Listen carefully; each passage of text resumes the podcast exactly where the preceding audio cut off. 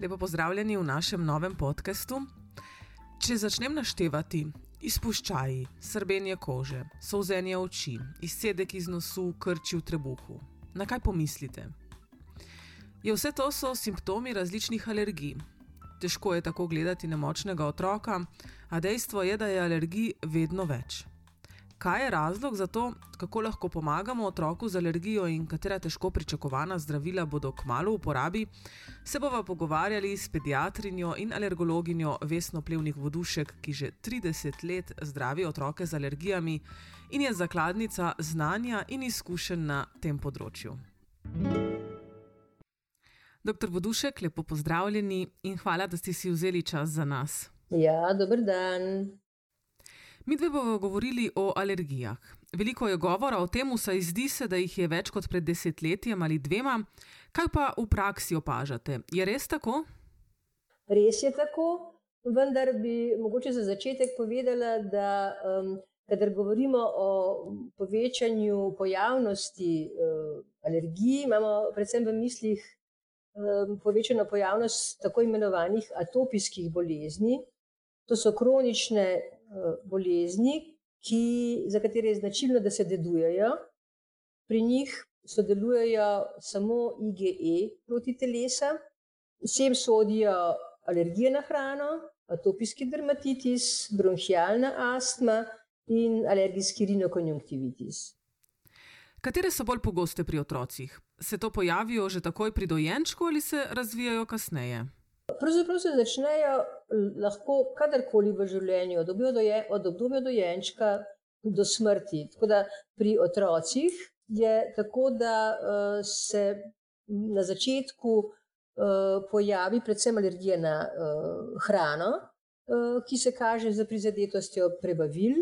Um, na začetku um, otroci uh, bruhajo, um, včasih imajo drisko.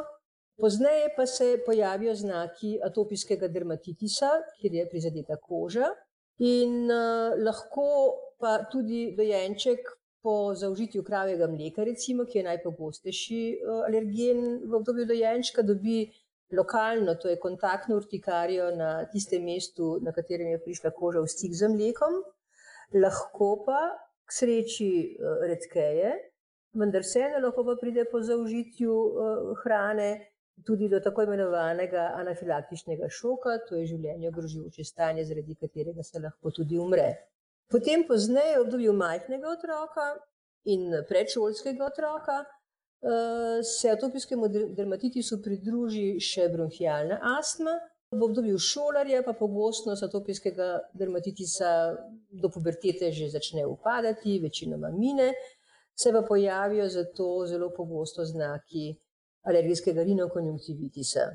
In uh, zadnja leta opažamo, da se je rinokonjunktivitis, da se je pojavnost njegova že preselila v zgodnejša leta, tako da opažamo uh, porast uh, atopijskega um, alergijskega rinokonjunktivitisa že pri predšolskih otrocih.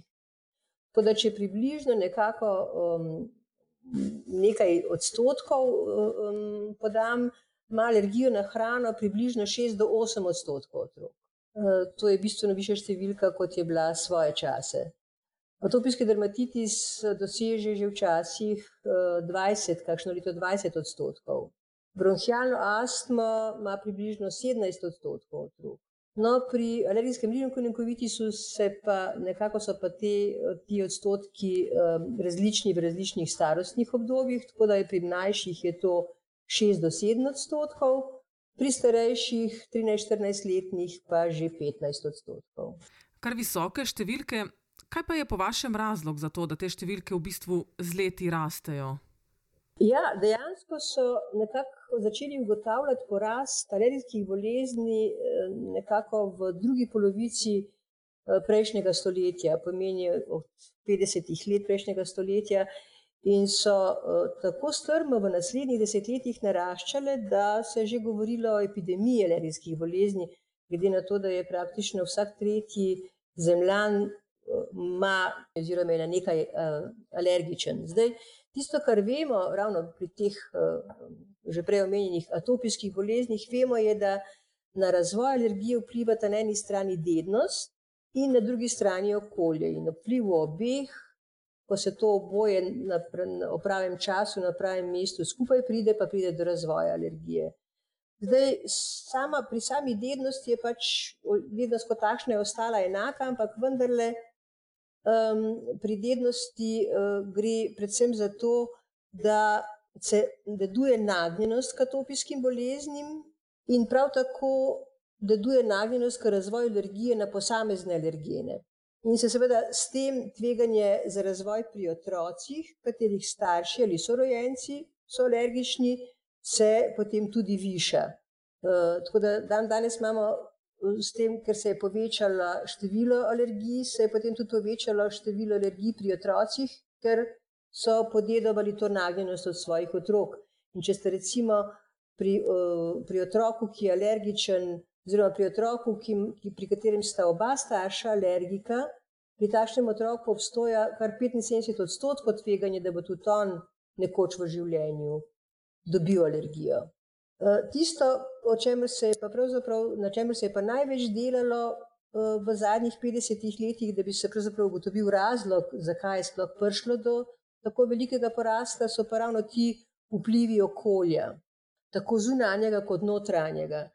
Ti so se dejansko v teh eh, zadnjih 50 letih močno spremenili, po drugi svetovni vojni je pač prišlo do povečanja, povečanja standarda med eh, prebivalstvom, zlasti na zahodu, v razvitih deželah, eh, in s tem posledično, seveda, tudi do intenzivnega osnaževanja okolja, zunanjega z izpušnimi plini, različnih prevoznih sredstev, tovarn, ki so jih je bilo vse več.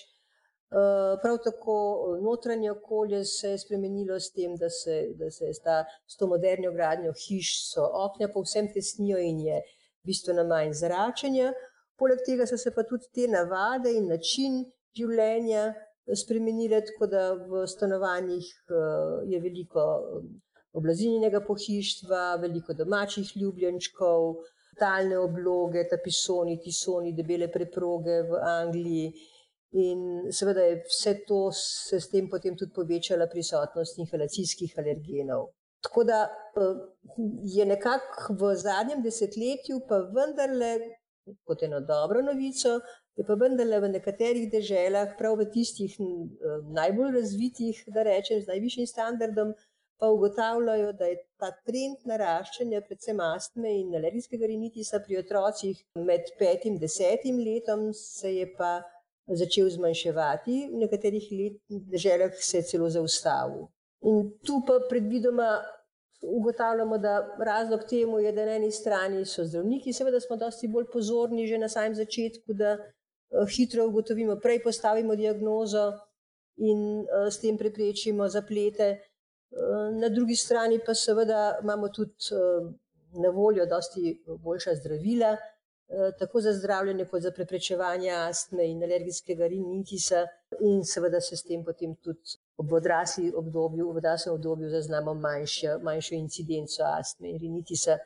Ena od hipotez, ki je pa zdaj zadnja leta ravno na kongresih se pojavlja, je pa, da je morda tudi ta zahodni način življenja nekako eh, v tej svoji slabosti, da rečem, slabemu vplivu, dosegel v, zadnjih, v zadnjem desetletju neki svoj vrh ne, nek svoj maksimum v sprožanju, in s tem potem se, se niso tako spremenili, pravzaprav um, se ta zahodni način življenja je ostal na tistem nivoju, kot je bil. Recimo, da prejšnja leta tudi veliko se dela na tem, da bi, da bi se to okolje vendarle malo manj začelo nasnaževati. In je s tem pravzaprav je tudi uh, prišlo nekako do dosega nekega maksimuma v sprožanju alergijske bolezni pri tistih osebah, ki so dovzetne za alergijsko bolezen. Tako da ne pričakujete nekega povečanja v prihodnih letih? Tako. Ja, v glavnem ne pričakujemo povečanja tisto, kar se povečuje, nekoliko bolj kot svoje čas. Svoje čase je pri otrocih predvsem uh, alergija na hrano. Uh, te imamo dan danes bistveno več, kot smo imeli uh, kakšnih 20 let nazaj, kjer so bili otroci predvsem v ambulantah zaradi atopijskega dermatitisa in povzročiteljev alergije s strani inhalacijskih alergenov, eh, danes so pa to predvsem prehranski alergeni. Ampak tudi to, jaz mislim, da tudi počasi za kakšnimi novejšimi zdravili bomo tudi tukaj skozi čas uspešnejši. Kako pa vi pravzaprav postavite diagnozo? Kako ugotovite, za kateri alergen gre? Pri, samo, pri sami diagnozi nam še najbolj pomaga um, razgovor s starši, to je anamneza, ki je pri alergologiji res prav detektivsko delo. In če natančno uh, zdravnik postavi diagnozo in mu tudi uh, starši pri tem sodelujejo, uh, potem je tukaj že približno 40 odstotkov diagnoze. Tukaj pač sprašujemo, kdaj so se težave pojavile, s čim so povezane, ali se pojavljajo čez celo leto ali samo uh, sezonsko, um, kaj pomaga. Pri sumu na alergijo na hrano, seveda pač vprašamo, če imajo starši občutek, da otroku katera hrana škoduje in kakšni znaki so te bolezni teh bolezenskih znakov. Ampak seveda smo tukaj potem tudi to zelo različno od tega, uh, kateri organ je prizadet in uh, kako je prizadet. Tako da recimo pri alergiji na hrano diagnozo zlahka postavimo, uh, jo v bistvu že starši znajo povedati, če gre za eno koprivnico, ki se pojavi takoj po, po zaužitju uh, kravjega mleka, lokalna, mislim, mislim na lokalno koprivnico ali pa če se seveda pojavi kakšna anafilaktična reakcija z prizadetostjo celega organizma. Po razgovoru um, naredimo uh, kompleten klinični status, pomeni kompleten pregled otroka, ga celega pregledamo.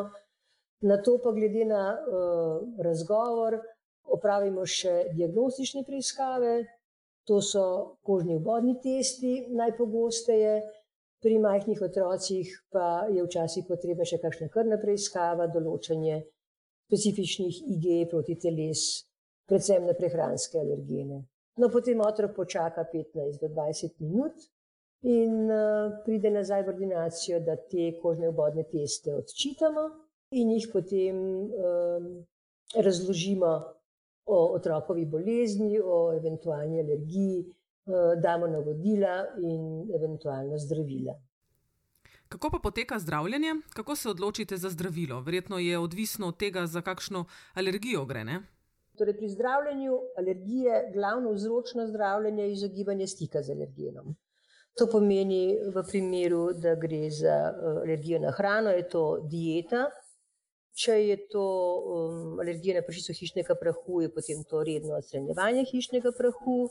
Pri alergiji na živali, odstranitev živali, na katero smo alergični. Če so znaki um, alergije na cvetni prah, je pač priporočilo, da so v tistem času, ko cvetijo pelodi, na katere smo alergični, pacijenti v zaprtih prostorih. Ampak seveda izogibanje alergenom večkrat ni povsem možno. Pomeni, da če, če smo alergični na hrano, je to enostavno, pač ne uživamo mleka, mlečnih izdelkov in je to to. Ampak pri alergiji na pršico hišnega prahu ali pa pri alergiji na cvetni prah, pa seveda je tako rekoč ne mogoče se povsem izolirati. Na eni strani pri pršici, zato ker je tako zelo majhna žival, ki je ne vidimo s prostim očesom, da je ne mogoče imeti sterilno stanovanje. Pri cvetnem prahu pa seveda ne moramo biti dva meseca kompletno noter, bodi si otroci, ki so v vrtu šoli, bodi si odrasli, ki so v službah. Tako da v teh primerjih pa seveda zdravimo za tako imenovano podporno terapijo. Tu so predvsem zdravila, poleg ostalih navodil, pri veliki večini antihistamini, ki pomeni zdravila proti alergiji, ki jih jemljemo v obliki tablet in v obliki sprejev v, v, oziroma kapljic za, za oči in pa uh, kortikosteroidov, ki jih pri atopijskem dermatitisu lokalno nanašamo, pri bronhijalni astmi inhaliramo v pljuča, pri alergijskem rinitisu uh, pa uh, vdihnemo skozi nos. To je ta najpogostejša uh, terapija. Pri čemer je predvsem pomembno, da ta zdravila začnemo jemati pravočasno, to pomeni pri sezonskem nahodu, pri sezonskih alergijah, takrat, ko se prvi, pojavi, prvi pelodi pojavijo v zraku. še preden se razvijajo klinični znaki bolezni, in da jih dovolj časa tudi prejemamo, da jih ne prekinjamo. Ne. Imamo pa še eno dodatno opcijo zdravljenja alergijskih bolezni, predvsem alergijskega rinokonjunktivitisa in bronhialne astme. Um, in to predvsem pri um, takšnih alergenih, ki, so, ki jih, kot sem omenila, ne moramo povsem odstraniti uh, iz okolja, to je pa um, imunoterapija. To je specifična imunoterapija, kjer v bistvu z ponavljajočim vnosom alergena uh, tega vnašamo bodi si pod kožo, to meni za injekcijo, bodi si kar dela, kar se opravlja v ambulanti, alergološki, bodi si pod jezikom, da nanašamo kapljice ali pa tabletos, da pacijent pod jezik. To pa delajo lahko doma in je zato tudi uporabniku dosti bolj ljubezniva metoda izvajanja specifične imunoterapije. In z tem ponavljajočim se vnosom alergena skušamo prekiniti tvorbo teh IG proti teles in se me, seveda s tem uh, skušamo zmanjšati klinično in uh, imunsko odzivnost bolnika po stiku z alergenom. Izvajamo je 3 do 5 let, pomeni no, relativno dolg čas. Dolgo časa pacijenti um, morajo seveda pri tem sodelovati, pomeni, da morajo res redno imati zdravilo. Samo zdravljenje ima zelo malo stranskih učinkov, tako da jo alergologi priporočamo.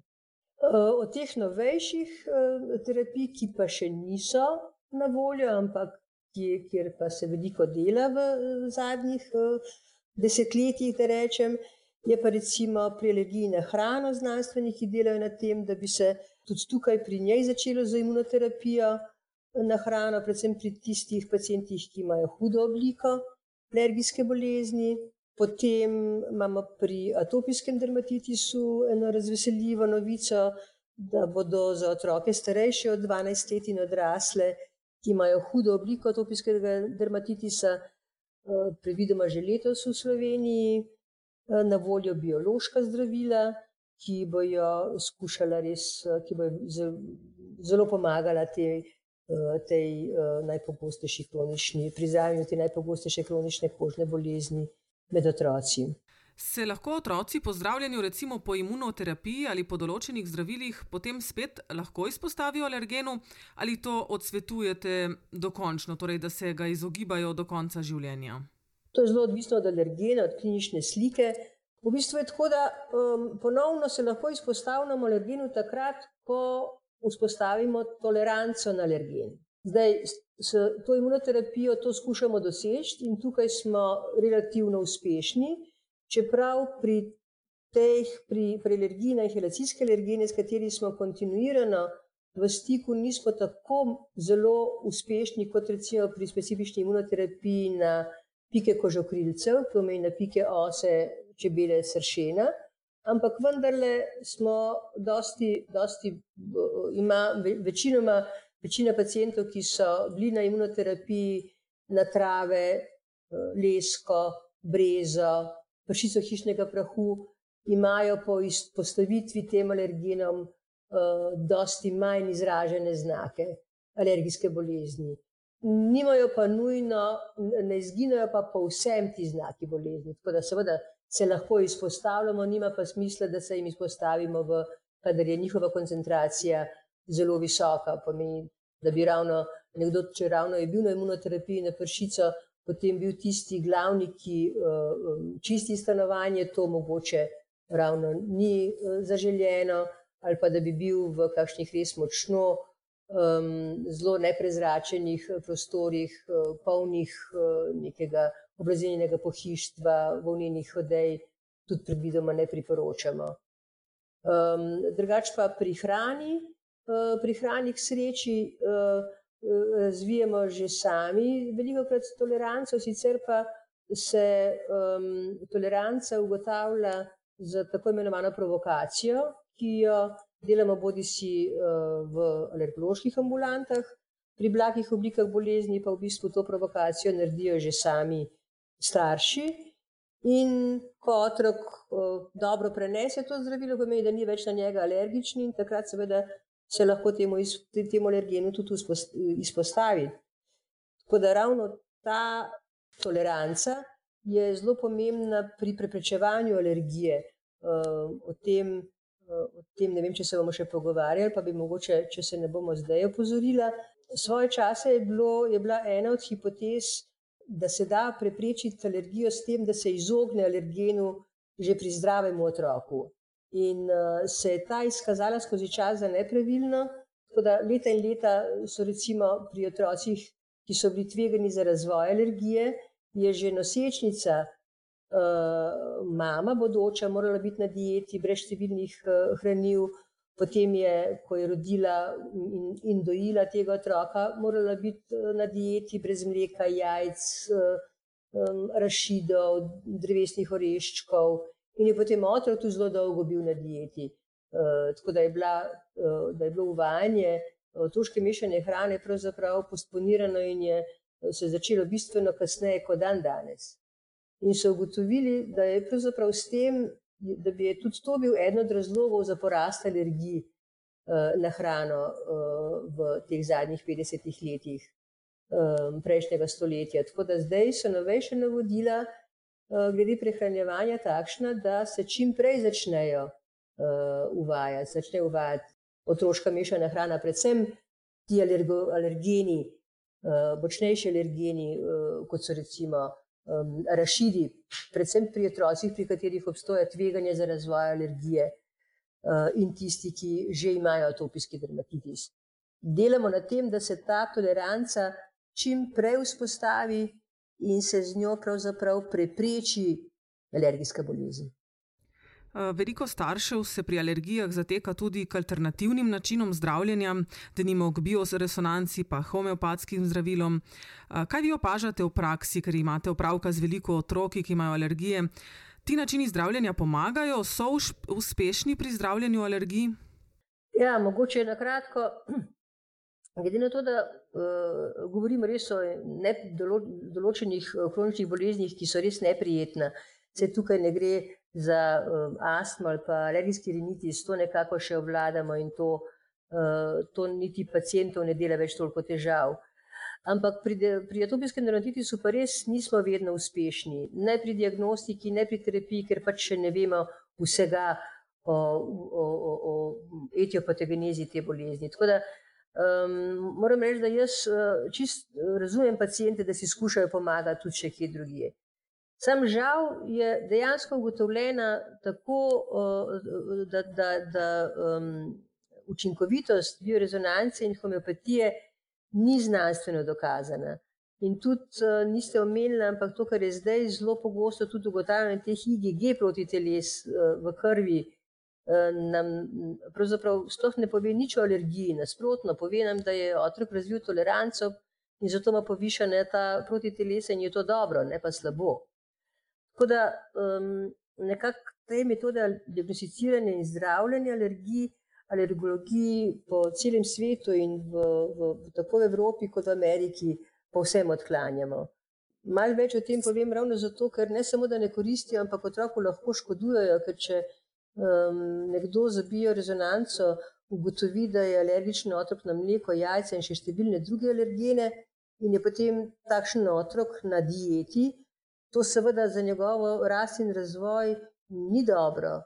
Um, ali pa še, če, če še mora biti še dodatno na dieti, nekak, brez kakšnih drugih živalskih beljakovin, ne samo na rastlinskih beljakovinah, na prehrani z rastlinskimi. Tako da um, sami alergologi nekako smo mnenja, da, da to otroku ne koristi.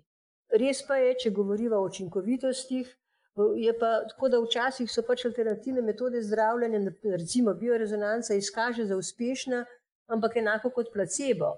Ker tudi placebo, pravzaprav, seveda, veliko pacijentov tudi na placebo odreagira za izboljšanjem. Pa tukaj ne gre za zdravilo. Ne? Ali pa je recimo potek bolezni takšen, da je ravno takrat, ko je bil pač koincidentno, da takrat, ko je pacijent, ko je prišel do, slab, do poslabšanja, bil pri, uh, na, na biorezonanci in uh, se je potem prišlo do izboljšanja simptomatike čez čas, ampak ob naslednjem poslabšanju takšni starši večinoma ponovno pridejo v našo uh, ordinacijo. Tako da um, izkušnje kažejo, da pri otrocih, ki so dejansko alergični, alternativne metode zdravljenja ne pomagajo. In tukaj se moramo predvsem zavedati tega, tukaj gre predvsem za alergijo na hrano, in se moramo zavedati tega, da pravzaprav alergija na hrano izredno redko, oziroma bomo obratno uh, štartala, da vsak izpuščaj pri otroku, oziroma izpuščaj pri otroku, so izredno redko povzročeni z alergijo. Kar je na eni strani, če bi to uh, človek lahko prepričal, starše bi jim to bilo v veliko olajšanje, tako pa dejansko v prvem majhnem izpuščaju je prvo, kar jim pade uh, na pamet, uh, je alergija. Pa vendarle, hvala Bogu, temu ni tako. Kaj torej za konec svetujete staršem glede alergij pri njihovih otrocih?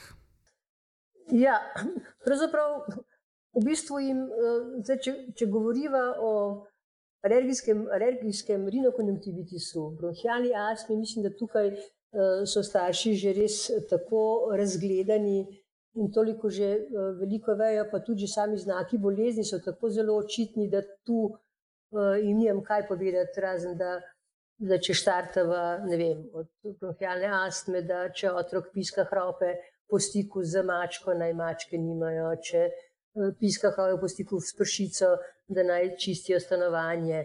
Te, te probleme bo predvidoma um, skupaj z uh, zdravnikom, s pediatrom in pozneje, če je potrebno, še s pulmologom, uh, stariš relativno lahko uh, rešil.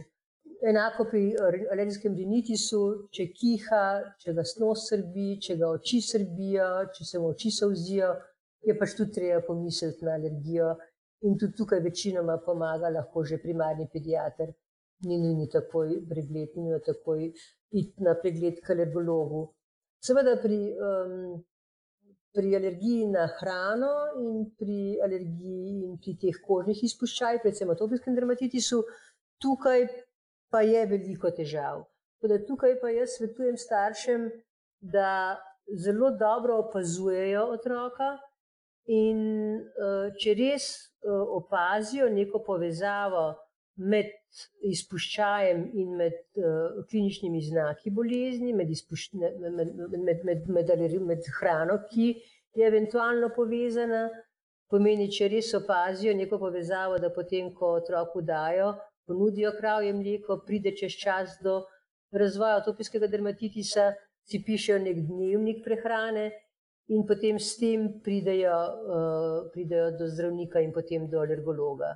Sicer pa pri atopijskem dermatitisu je predvsem tisto, kar, kar svetujemo, je to, da uh, je tukaj gre predvsem za uh, bolezen kože uh, in je alergija pomeni recimo hranivo, le eno od sprožilnih dejavnikov. Tako da tu je predvsem pomembna res redna, redna njega kože in upoštevanje pač vseh navodil, ki jih dobijo od alergologa. Doktor Plevnik Vodušek, jaz se vam najlepše zahvaljujem, da ste si vzeli čas za nas in za vse te izčrpne odgovore. Tako da najlepša hvala, naj na razgovor je tukaj zaključen. Ja, prosim, prosim. Mi pa se slišimo prihodnji teden, ko bomo podrobno gled vzeli atopijski dermatitis. Naša sogovornica bo predstojnica dermatološke klinike v Ljubljani, primarij dr. Tanja Planinšek Ručigaj. Ne zamudite. Naslišanje.